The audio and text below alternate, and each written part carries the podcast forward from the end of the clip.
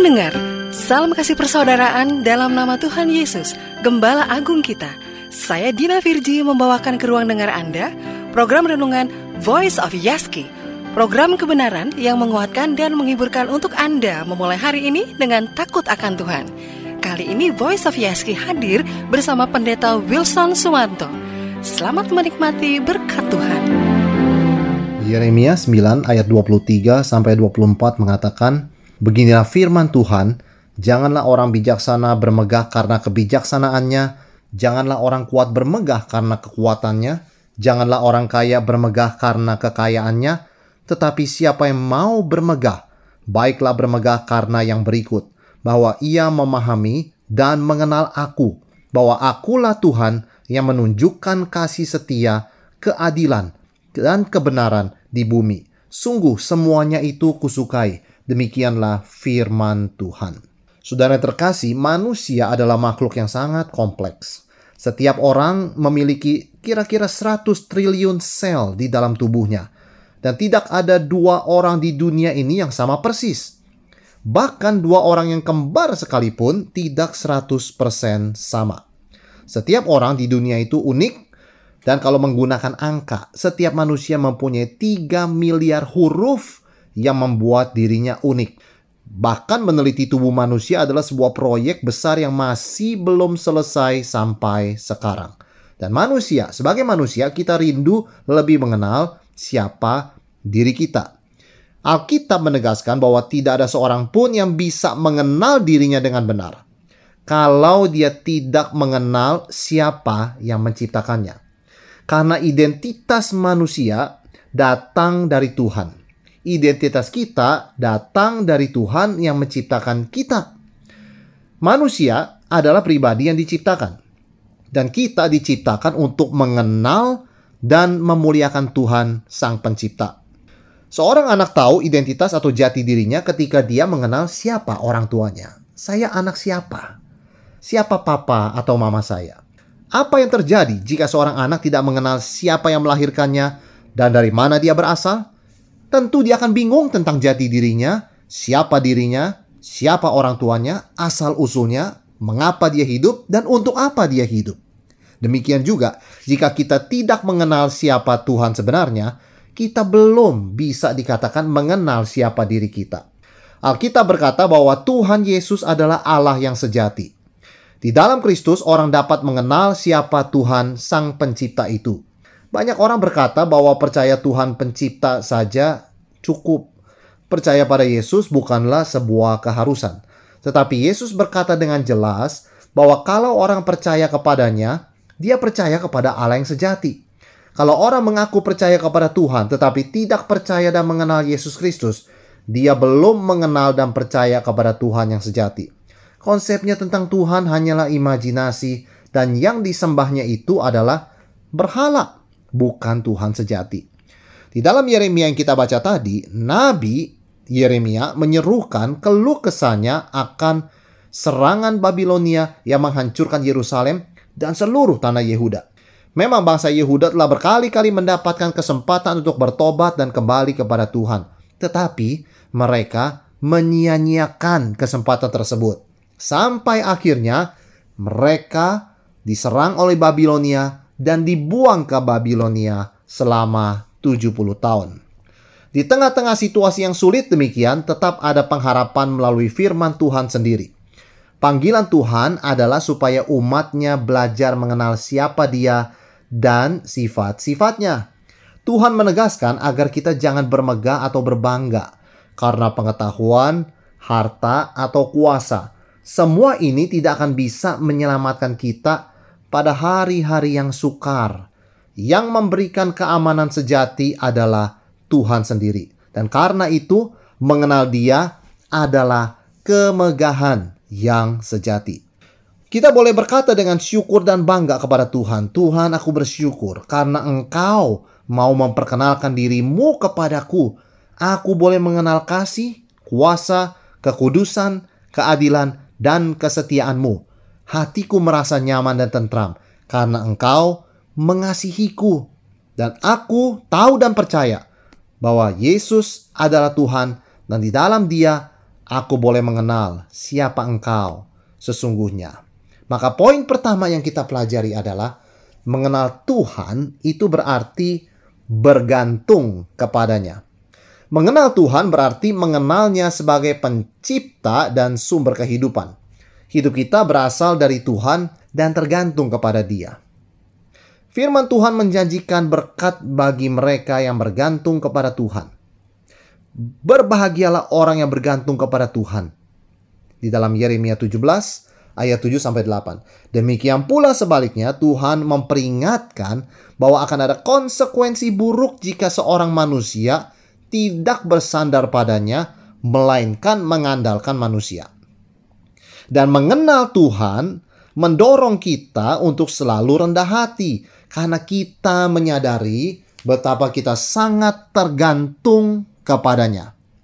Dan Tuhan akan memberikan kasih karunia kepada orang yang menyadari hal ini, menyadari ketergantungannya kepada Tuhan, dengan kata lain, orang yang rendah hati. Yang kedua, mengenal Tuhan diperoleh dengan cara membaca, merenungkan, dan mencintai firman-Nya. Membaca dan mempelajari firman Tuhan membuat kita mengenal siapa Tuhan Yesus. Dan melalui dia kita memperoleh hidup yang kekal. Firman Tuhan membuka pikiran dan hati kita terhadap siapa Tuhan, apa kehendaknya, dan rencananya dan bagaimana sifat-sifatnya. Yang firman Tuhan juga bermanfaat untuk mengajar, menyatakan kesalahan, memperbaiki kelakuan, dan mendidik orang di dalam kebenaran.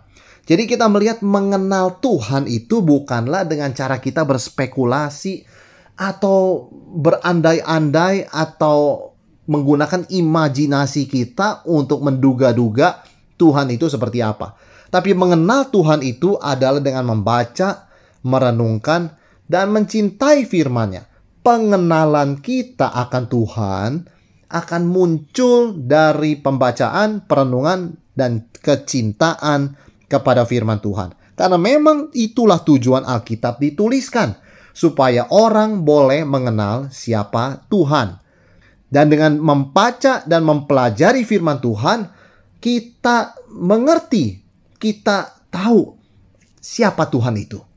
Bukan Tuhan yang menurut imajinasi dan akal kita, tapi Tuhan yang telah menyatakan dirinya dalam firman-Nya di dalam sejarah melalui perbuatan-perbuatan yang ajaib dan terutama melalui karya Yesus Kristus.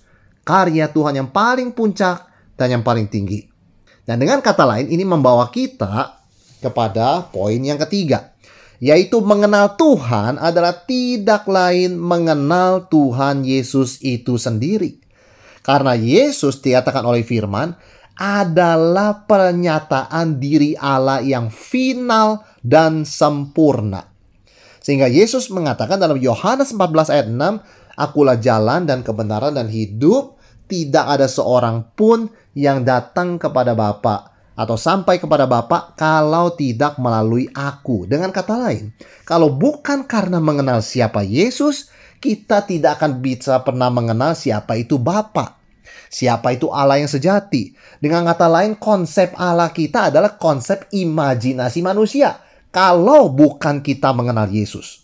Karena dikatakan Allah berkenan menyatakan siapa dirinya melalui Yesus Kristus yang telah menjelma menjadi manusia. Di dalam Kristus kita kenal siapa itu Tuhan. Di luar Kristus kita tidak mungkin kenal siapa itu Tuhan. Kita akan membuat Tuhan ciptaan kita sendiri. Tetapi Tuhan yang sejati ada di dalam Yesus Kristus. Karena itu Yesus mengatakan, Yohanes mengatakan bahwa tidak ada seorang pun yang pernah melihat Allah kecuali Yesus, anak tunggal Allah dia yang melihat Bapak dan dia yang menyatakan Bapak. Dengan kata lain, kita tidak mungkin punya informasi atau pengetahuan atau pengenalan tentang siapa Bapak, siapa Allah di luar Yesus Kristus. Dan kita melihat bukan hanya Yesus menyatakan siapa Allah, tetapi dengan karya keselamatannya dia di, dia mengorbankan dirinya, dia dipaku di atas kayu salib sehingga dia mati, dia menyatakan siapa itu Allah. Di dalam penderitaan kematian Yesus, kita mengenal siapa itu Allah. Allah yang penuh dengan kasih, pengorbanan, Allah yang suka memberi dan tidak mengambil. Allah yang memberikan segala-galanya, bahkan anaknya sendiri. Maka melalui salib Kristus ini, melalui kematian dan kebangkitannya, mata kita boleh dicelikkan untuk mengenal siapa Allah sejati, yaitu Allah yang merendahkan dirinya di dalam diri Yesus Kristus yang rela menderita, yang rela memikul salib sampai mati di salib demi manusia berdosa. This is God. Inilah Allah. Inilah yang kita kenal. Inilah Allah sejati. Tidak lain tidak bukan di dalam wajah Yesus Kristus. Dan yang keempat, mengenal Tuhan adalah suatu proses yang terus-menerus dan tidak pernah berhenti seumur hidup. Mengapa? Karena Tuhan itu melampaui akal manusia. Segala jalan kehendak Tuhan termasuk rencananya jauh lebih tinggi daripada pikiran manusia. Sehingga selalu ada hal baru yang kita dapatkan ketika kita semakin rindu mengenal Tuhan. Karena kita terbatas dan Tuhan tidak terbatas jalan pikiran Tuhan lebih tinggi daripada jalan pikiran kita. Sehingga semakin mengenal Tuhan, semakin mengenal kebesarannya, semakin tunduk dan menyembahnya. Semakin mengenal Tuhan, semakin kita rindu melayaninya. Semakin mengenal Tuhan, semakin bertambah mengasihinya. Dan ini proses yang terus-menerus. Karena ketika kita merasa, oh saya sudah mengenal Tuhan dari firman Tuhan saya yang saya baca selama ini, dari pengalaman hidup saya, tiba-tiba kita terkejut menemukan ada aspek-aspek dari pribadi Tuhan yang masih belum selama ini belum kita kenal. Dan kita dibukakan ketika kita membaca sebuah firman, mendengarkan penjelasannya atau kemudian setelah itu mengalami suatu pengalaman dalam kehidupan kita yang menyadarkan, oh ternyata Tuhan itu seperti ini, sifatnya dan jalannya seperti ini, melampaui pikiran dan akal saya. Sehingga karena proses ini tidak pernah berhenti, pengenalan akan Tuhan ini tanpa sadar perlahan-lahan mengubah kita semakin serupa dengan Dia. Ketika kita makin merenungkan sifat Tuhan sedikit demi sedikit, sifat kita juga akan diubah. Segala sifatnya tidak sesuai dengan sifat Tuhan mulai menjadi satu konflik dalam batin kita dan Roh Kudus menolong kita untuk meninggalkan sifat tersebut dan kita mulai mengadopsi apa yang kita kenal sebagai sifat Allah. Dan itu membuat kita hidup dalam harmoni dengan Tuhan. Dan poin yang kelima, mengenal Tuhan membuat kita terhindar dari penyembahan berhala atau Allah palsu. Kita tahu dalam Alkitab ada seorang bernama Daniel bersama tiga temannya sangat berbeda dari orang-orang lain yang ada di Babilonia karena mereka mengenal Tuhan, sekalipun mereka ada di tanah asing yang mengutamakan penyembahan berhala. Identitas Daniel itu sangat-sangat fix, sangat-sangat kuat meskipun ada di negeri asing dengan agama asing. Karena dia mengenal siapa Tuhan dan dia ingat akan firman Tuhan.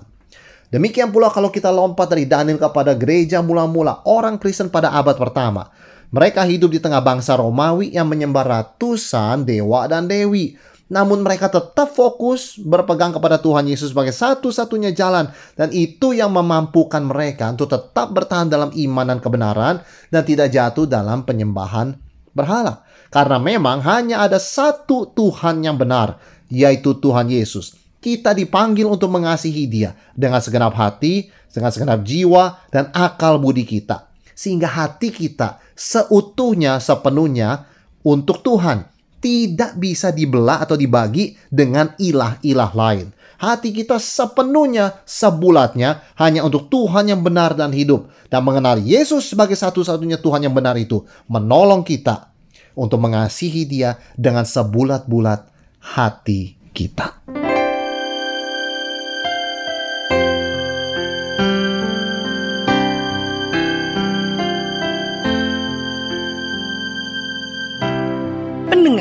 Demikian tadi program Renungan Voice of Yaski. Program kebenaran yang menguatkan dan menghiburkan untuk Anda memulai hari ini dengan takut akan Tuhan. Bagi Anda yang membutuhkan informasi lebih lanjut mengenai kegiatan Yayasan Yaski, dapat menghubungi 0812 8784 7210. Sekali lagi 0812 8784 7210 atau bila Anda terberkati dengan program siaran ini, Anda dapat berbagi kesaksian melalui email ke humas@yaski.co.id dengan subjek Voice of Yaski. Tuhan Yesus memberkati.